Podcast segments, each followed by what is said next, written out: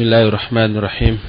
الحمد لله الذي بعث في الأميين رسولا منهم يتلو عليهم آياته ويزكيهم ويعلمهم الكتاب والحكمة. وإن كانوا من قبل لفي ضلال مبين. وهو الذي أرسل رسوله بالهدى ودين الحق ليظهره على الدين كله ولو كره المشركون. وأشهد أن لا إله إلا الله وحده لا شريك له إقرارا به وتوحيدا. وأشهد أن محمدا عبده ورسوله صلى الله عليه وعلى آله وأصحابه وسلم تسليما مزيدا وبعد Ikhwati fillah azakumullah Di sesi yang pertama tadi Kita sudah menjelaskan beberapa sebab terjadinya ikhtilaf Dan kesalahan istihad di kalangan para ulama Kita sekarang masuki kepada bagaimana sikap kita di dalam menghadapi ikhtilaf di kalangan ulama tersebut. Tadi di awal dijelaskan bahwa ikhtilaf sesuatu yang pasti terjadi. Tidak mungkin tidak.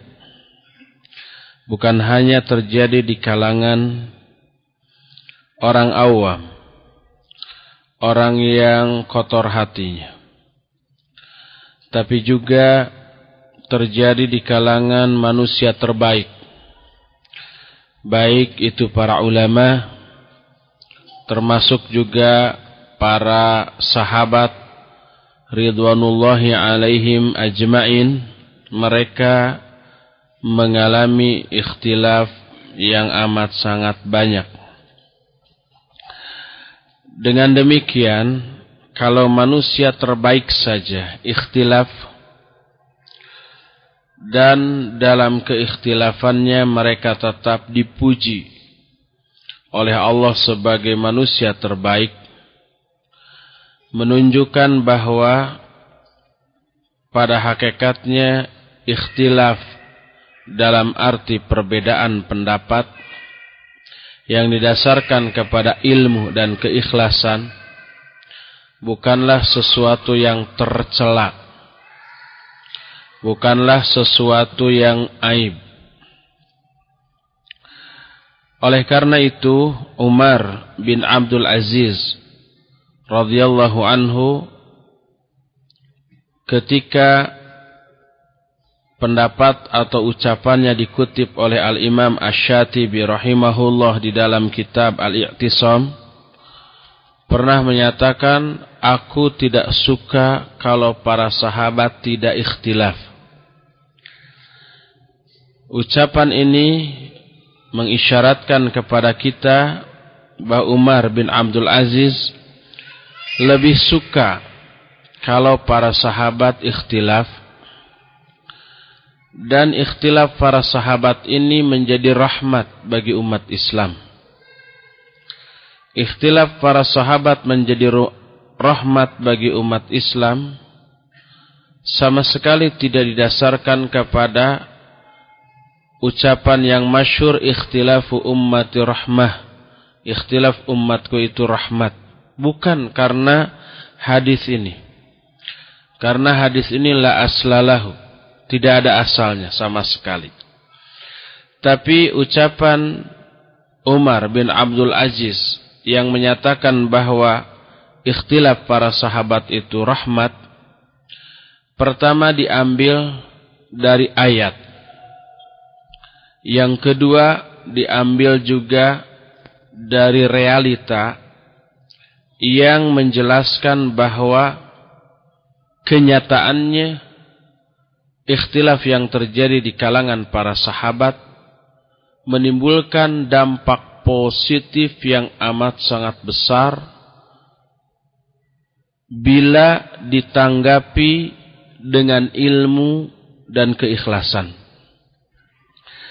Adapun ayat yang mendasari bahwa ikhtilaf para sahabat adalah rahmat adalah surah Hud ayat 118 yang tadi dikemukakan Allah berfirman wala yazaluna mukhtalifin illa man rahima rabbuk manusia itu selalu ikhtilaf selalu berbeda faham illa man rahima rabbuk kecuali orang-orang yang dirahmati oleh Allah Subhanahu wa taala.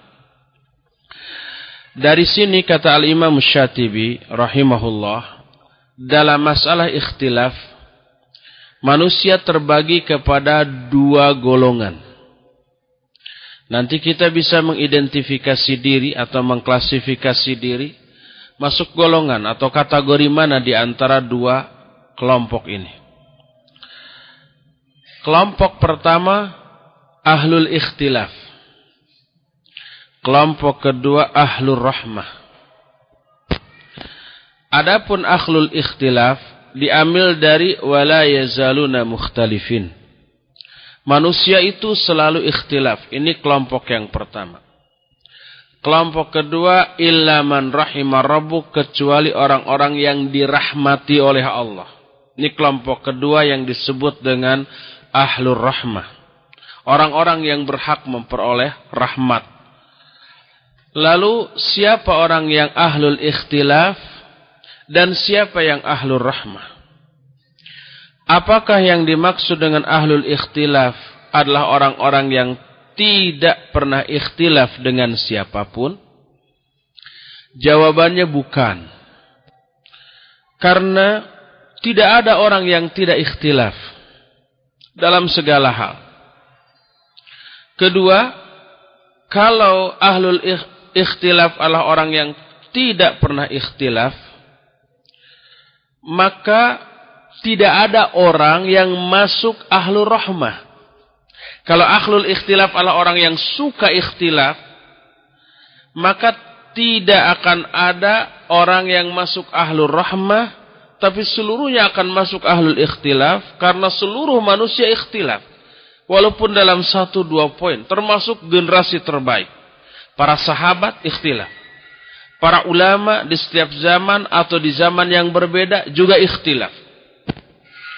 Oleh karena itu yang dimaksud dengan ahlul ikhtilaf dan ahlul rahmah bukanlah orang yang suka ikhtilaf atau yang tidak suka ikhtilaf.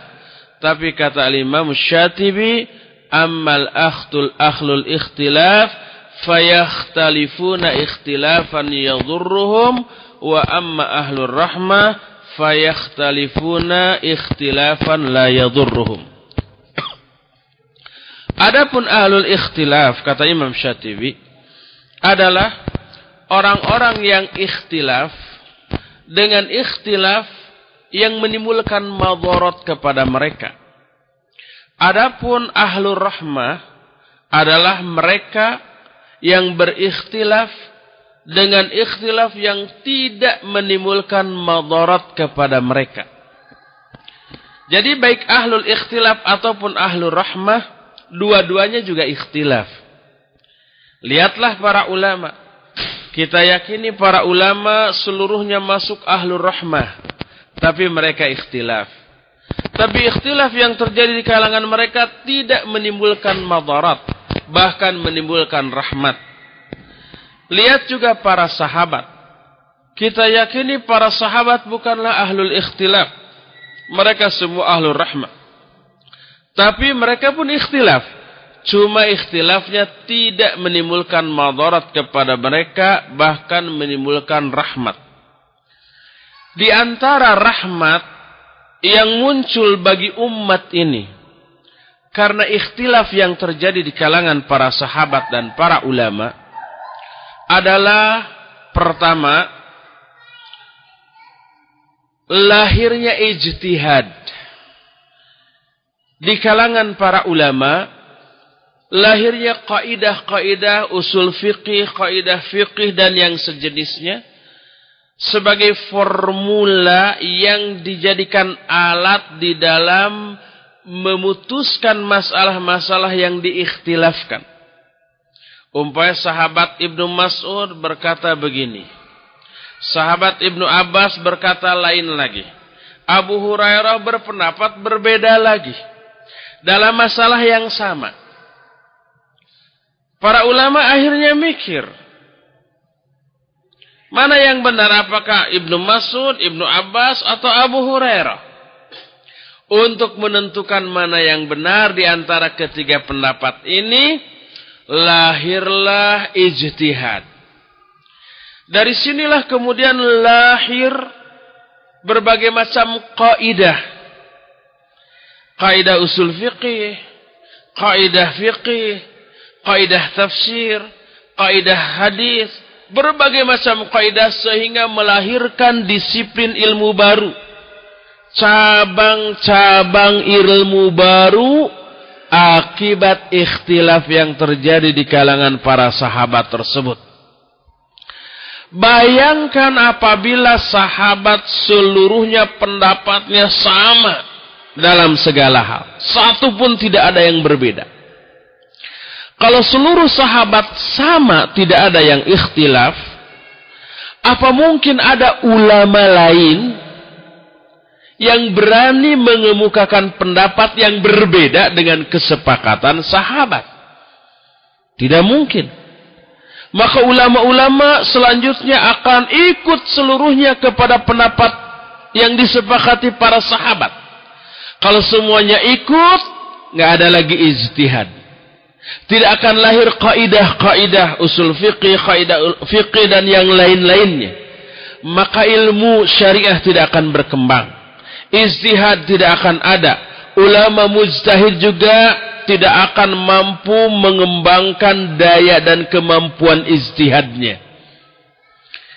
Ini rahmat yang pertama dari ikhtilafnya para sahabat karena dari ikhtilafnya mereka melahirkan ijtihad para ulama serta melahirkan kaidah-kaidah dalam berbagai macam disiplin ilmu.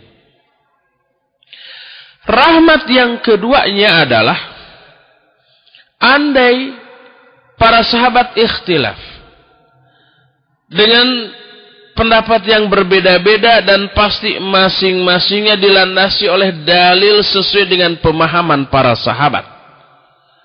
Maka orang awam yang hidup pada generasi yang belakangan, termasuk generasi kita ini, berada dalam kelapangan dalam memilih pendapat di antara pendapat-pendapat yang ada terjadi di kalangan para sahabat mereka akan mengambil mana yang lebih mudah yang tidak memberatkan mereka dalam mengamalkannya.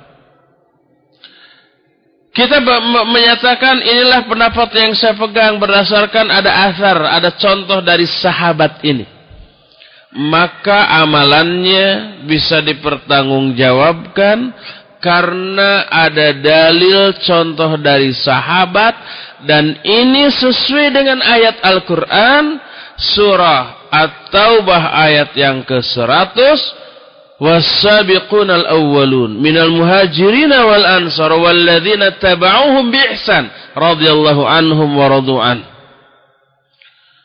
Orang-orang yang mula-mula masuk Islam dari sahabat muhajirin dan ansar. Ini maksudnya sahabat.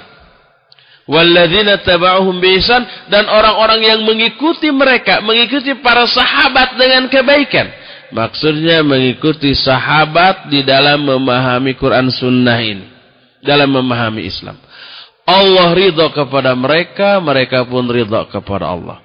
Jaminan keridhaan Allah ditujukan kepada sahabat dan orang-orang yang mengikuti sahabat.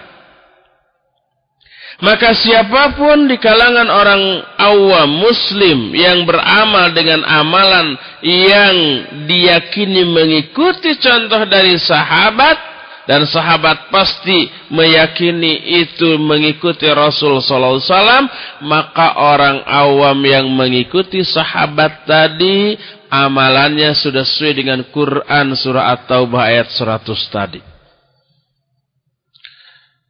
Ini rahmat yang kedua. Bayangkan kalau semua sahabat sepakat dalam satu amalan, satu pendapat. Tidak berbeda-beda, tidak ada ikhtilaf. Sedangkan sahabat dengan keimanannya yang super kuat, dahsyat. Semangat itibaknya kepada Rasul yang amat sangat hebat. Semangat ittiba itu semangat untuk mengikuti sunnah Rasul. Hebat. Kita nggak ada apa-apanya. Dengan keimanan yang hebat, semangat ittiba yang hebat, Pasti mereka akan mengambil pendapat dan mengamalkan amalan yang sesuai dengan kehebatan iman dan semangat ittiba mereka.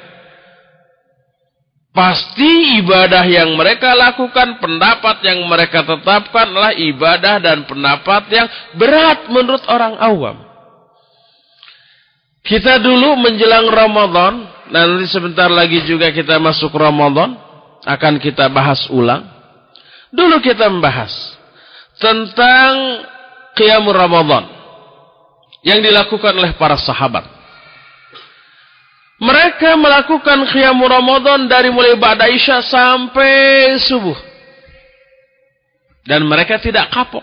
Besoknya tahu bahwa imam itu membaca surat-surat yang panjang bukannya kapok, mereka membawa tongkat untuk bersandar. Sampai dalam riwayat itu ada sahabat yang ketika sholatnya nelonjong. Ketika berdiri karena ngantuk. Seperti ini. Nelonjong. Itu sahabat. Mereka akan memilih ibadah sehebat itu. Kalau sahabat semua sepakat begitu pendapatnya dan amalannya. Dan tidak ada sahabat lainnya yang berpendapat yang lain yang lebih ringan Lalu kita sebagai umat yang belakangan dengan kualitas iman rendah, semangat itiba yang super rendah, harus mengikuti pendapat dan ibadah sahabat yang kayak tadi contohnya dalam qiyamul lail. Bagaimana? Apa kuat atau tidak? Tentu saja tidak. Jangankan harus semalam suntuk taraweh. Sekarang terawih yang diadakan di masjid-masjid saja paling setengah jam gitu ya. Awalnya hari pertama kedua penuh sampai ke halaman masjid. Lewat hari ke-10 saja. Masjid itu mendadak melebar, meluas. Intinya bukan masjidnya yang meluas. Tapi jamaahnya yang menciut. Sampai 10 hari terakhir, satu soft, dua soft juga belum tentu penuh.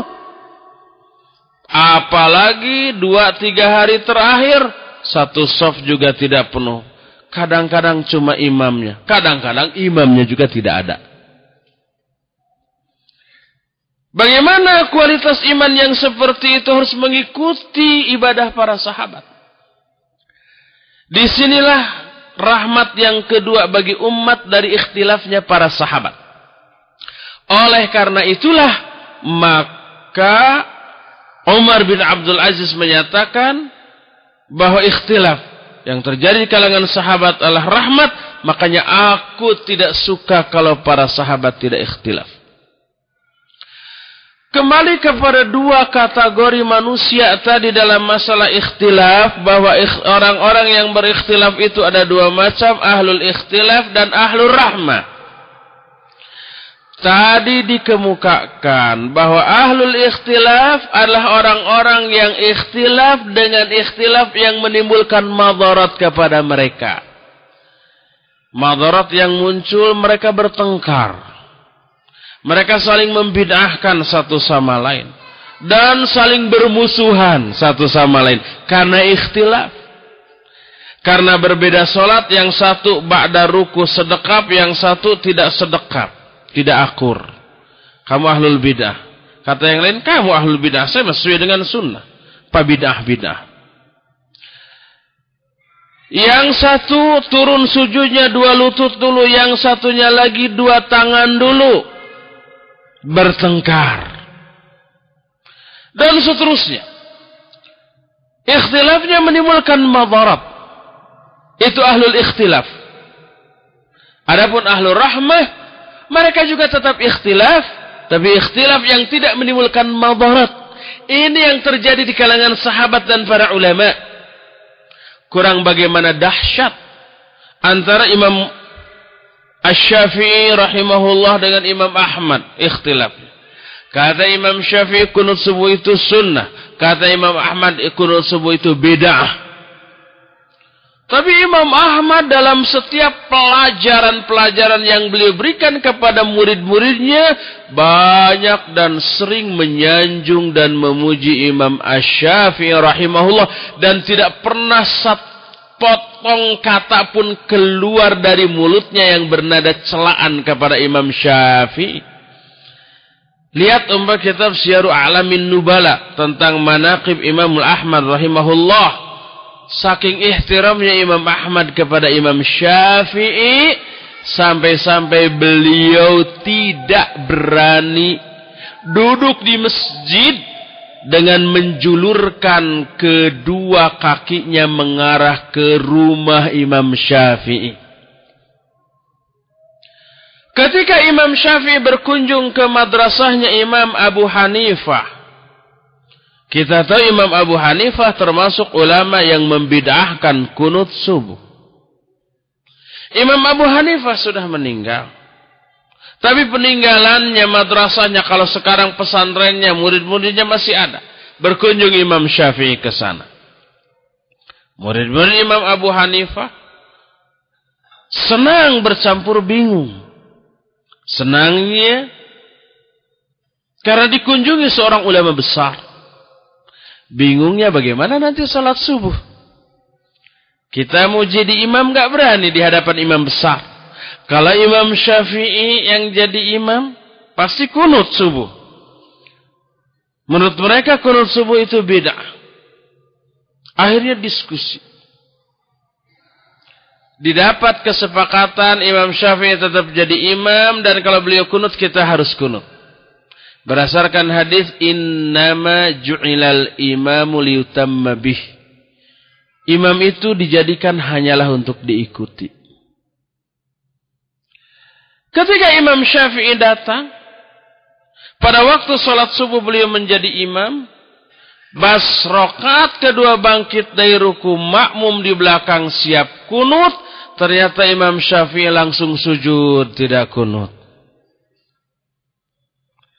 Beres solat ditanya, kenapa anda tidak kunut?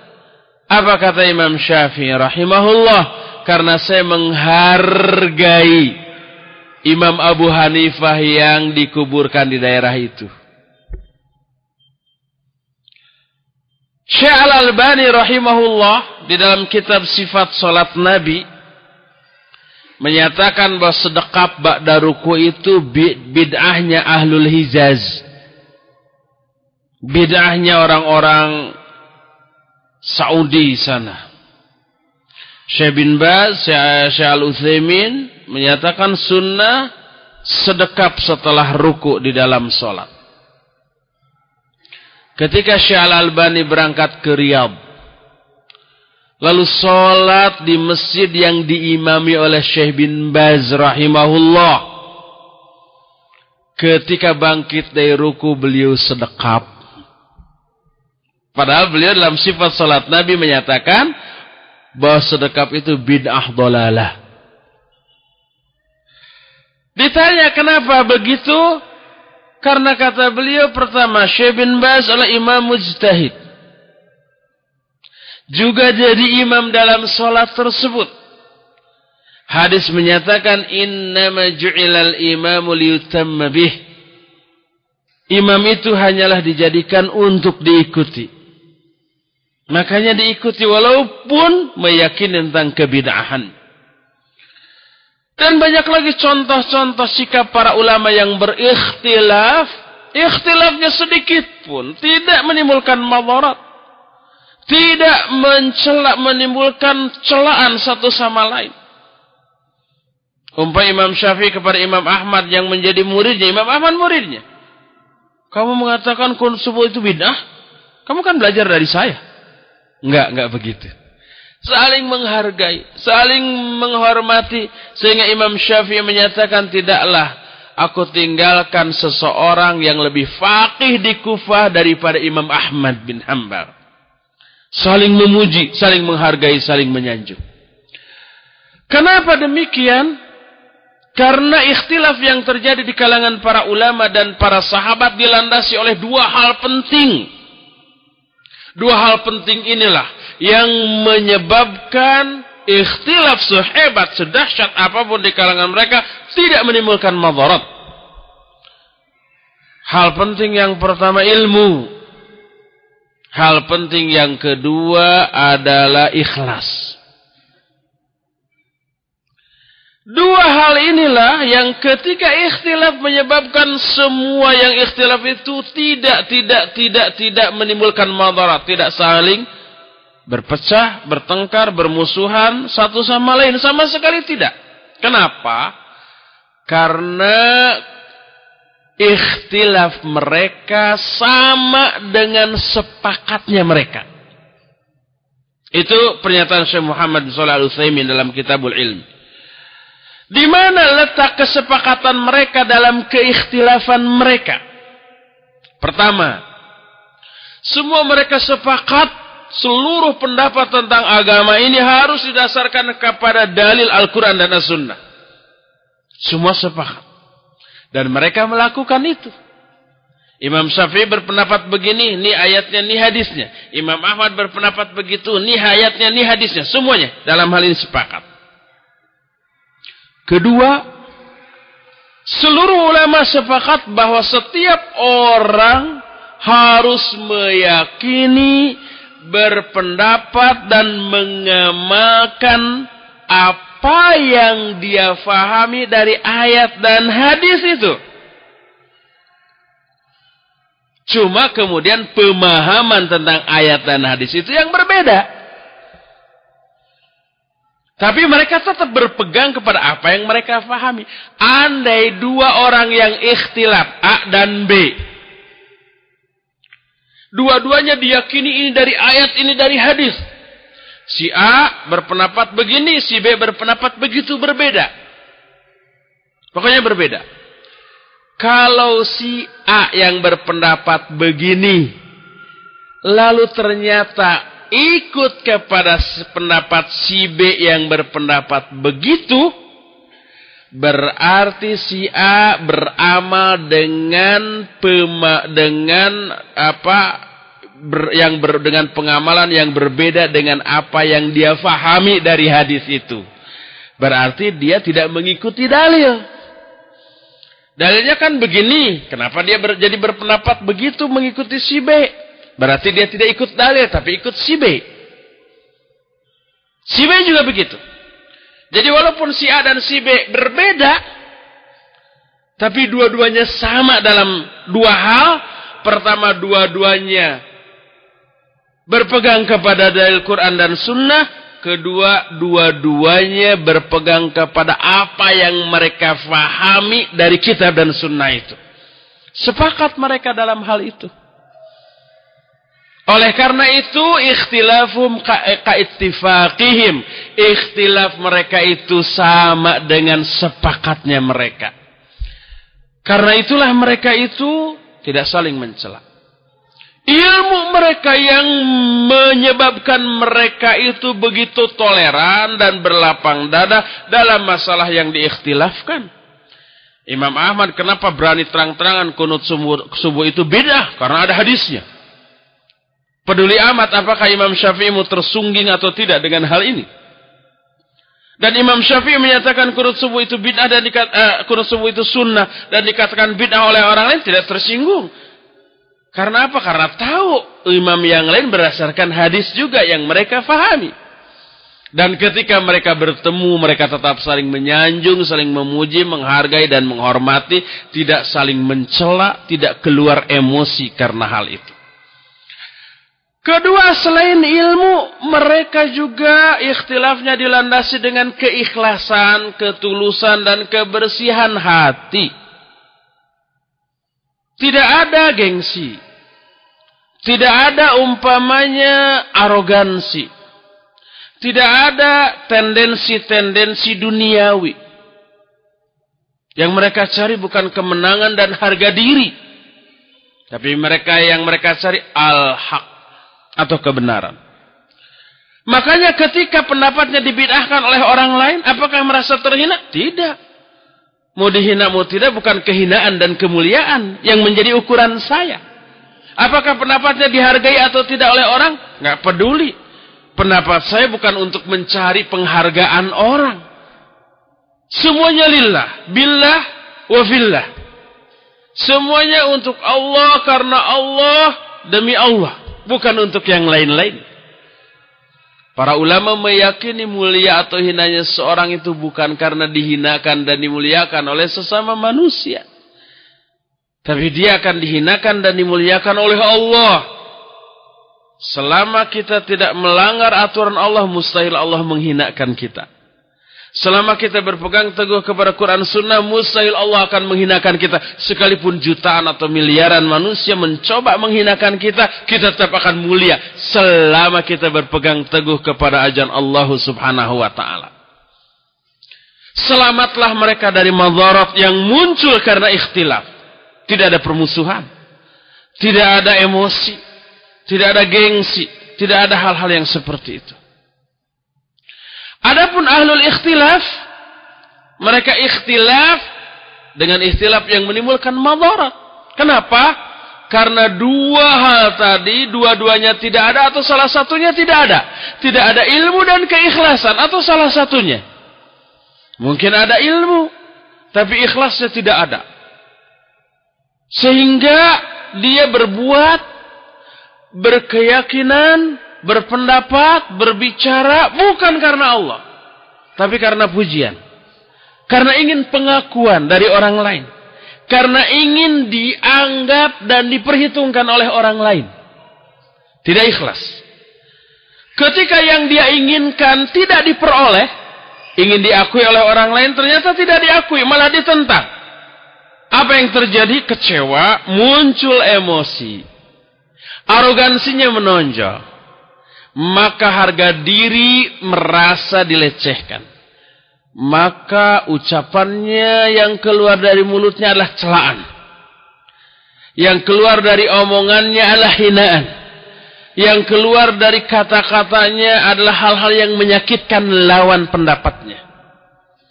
Akhirnya itu juga tersinggung, ini tersinggung. Akhirnya timbul pertengkaran. Timbul saling mencela, saling mencaci, saling memaki, saling menyesatkan sampai akhirnya bermusuhan. Sampai ini saling memprovokasi manusia, jangan ikut itu, itu sesat. Yang itu begitu, jangan ikut ini, yang ini sesat. Akhirnya umat Islam terpecah. Ini mabarak. Jadi karena kurang ilmu, kurang ikhlas, atau salah satu di antara kedua-duanya, atau dua-duanya tidak ada atau kurang, ini yang menimbulkan madarat. Oleh karena itu ahlul ikhtilaf adalah orang-orang yang ikhtilafnya tidak dilandasi oleh ilmu atau keikhlasan. Baik dua-duanya atau salah satu di antara kedua-duanya. Adapun ahlul rahmah mereka juga ikhtilaf. Tapi ikhtilafnya dilandasi oleh ilmu dan keikhlasan sehingga tidak menimbulkan madarat. Oleh karena itu patut dicamkan apa yang akan saya katakan adalah Bukan ikhtilaf yang menyebabkan seseorang bertengkar dengan orang lain. Bukan perbedaan pendapat yang menjadi penyebab seseorang bermusuhan dengan orang lain. Tapi yang menjadi penyebab adalah buruknya karakter orang-orang yang ikhtilaf. Buktinya para sahabat, para ulama ikhtilaf nggak berantem. Tidak bertengkar. Tidak saling memojokkan. Karena karakternya bagus. Baru permusuhan pertengkaran terjadi di kalangan orang-orang yang karakternya buruk lalu ikhtilaf. Keburukan karakternya inilah yang menyebabkan mereka bertengkar. Di sana ada dengki. Di sana ada hasad. Artinya dengki juga. Di sana ada iri. Sama maknanya. Di sana ada gengsi. Di sana ada arogansi. Di sana juga ada tendensi-tendensi duniawi. Di sana ada ambisi-ambisi pribadi. Buruk karakternya. Itu yang menyebabkan dia bisa bertengkar sama orang lain. Itu yang menyebabkan dia bisa bermusuhan sama orang lain. Mau ikhtilaf, mau sepakat, kalau yang mendasari kesepakatan atau ikhtilaf tersebut adalah keburukan karakternya, ketidakikhlasan dan ketidakada ketidakadanya ilmuwan, ketidakadanya ilmu, kebodohan tetap akan menimbulkan madarat. Inilah ahlul ikhtilaf. Nah, oleh karena itu, kalau kita pada zaman sekarang yang amat sangat banyak ikhtilaf dalam segala hal, ingin masuk ke dalam kelompok ahlul rahmah, milikilah dua hal tadi yang melandasi turunnya rahmah. Pertama ilmu, yang kedua keikhlasan. Satu di antara dua ini tidak ada, masuklah kita ke ahlul ikhtilaf. Dan ahlul ikhtilaf itulah yang dimaksud dalam larangan-larangan dalam ayat tentang tidak boleh ikhtilaf. Kata Allah, "Wala takunu kalladzina tafarraqu wa ikhtalafu min ba'di ma ja'atuhumul bayyinah." Janganlah kalian menyerupai seperti orang-orang yang tafaruk dan ikhtilaf setelah datang kepada kalian penjelasan-penjelasan yang nyata, yang terang. Bahkan di satu kategorikan oleh Allah orang yang ikhtilaf itu dengan orang-orang musyrik. Fawailul musyrikin minal ladina farraqu dinahum wa kanu syi'an. Kullu hizbin bima ladaihim farihun. Jadi janganlah kalian menyerupai orang-orang musyrik. Itu orang-orang yang memecah belah agama mereka menjadi bergolongan-golongan dan setiap golongan merasa bangga dengan apa yang ada pada diri mereka. Jadi yang dimaksud ikhtilaf yang tercela, yang terlarang berdasarkan nas ayat ataupun hadis adalah ikhtilaf yang terjadi di kalangan ahlul ikhtilaf ikhtilaf yang terjadi kemudian menimbulkan madarat karena dilandasi oleh kebodohan dan ketidakikhlasan. Hindari itu masuki kategori kelompok golongan orang-orang yang ahlur rahmah yang ketika berikhtilaf tidak menimbulkan madarat karena dilandasi dengan dua dasar yang tadi dikemukakan, ilmu dan keikhlasan. Gali, gali, gali, gali terus ilmu. Pupuk dan perdalam, perjernih keikhlasan kita kepada Allah. Ingat, seluruh ibadah kita, seluruh sikap kita, seluruh ucapan kita, seluruh yang kita lakukan hanya hanya hanya untuk Allah Subhanahu wa taala semata-mata dan bukan untuk manusia. Kita hanya ingin dinilai oleh Allah bukan dinilai oleh manusia. Kita hanya ingin diakui oleh Allah bukan ingin diakui oleh manusia.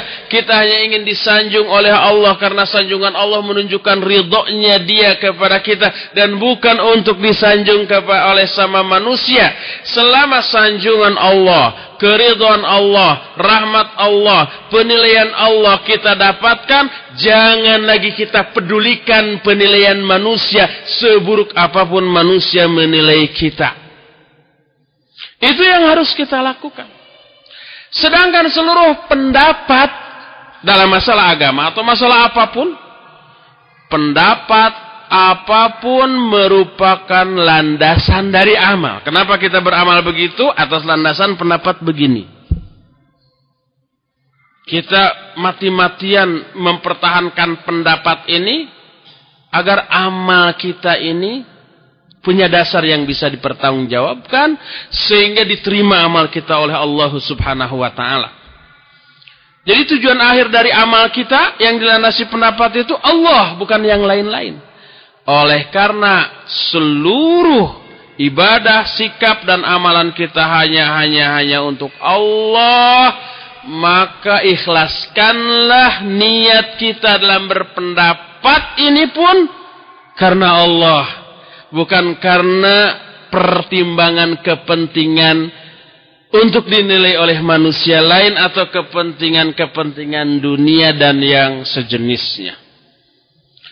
Inilah sikap umum yang harus kita lakukan di dalam menanggapi seluruh ikhtilaf dan ini merupakan sesuatu yang bersifat mujmal, global belum rinci, adapun rinciannya kita membutuhkan waktu yang cukup lagi untuk menjelaskannya. Mudah-mudahan Allah Subhanahu wa taala masih memberi waktu kepada kita di masa-masa yang akan datang untuk bisa membahas rincian dari sikap yang baik yang benar di dalam menanggapi ikhtilaf yang terjadi.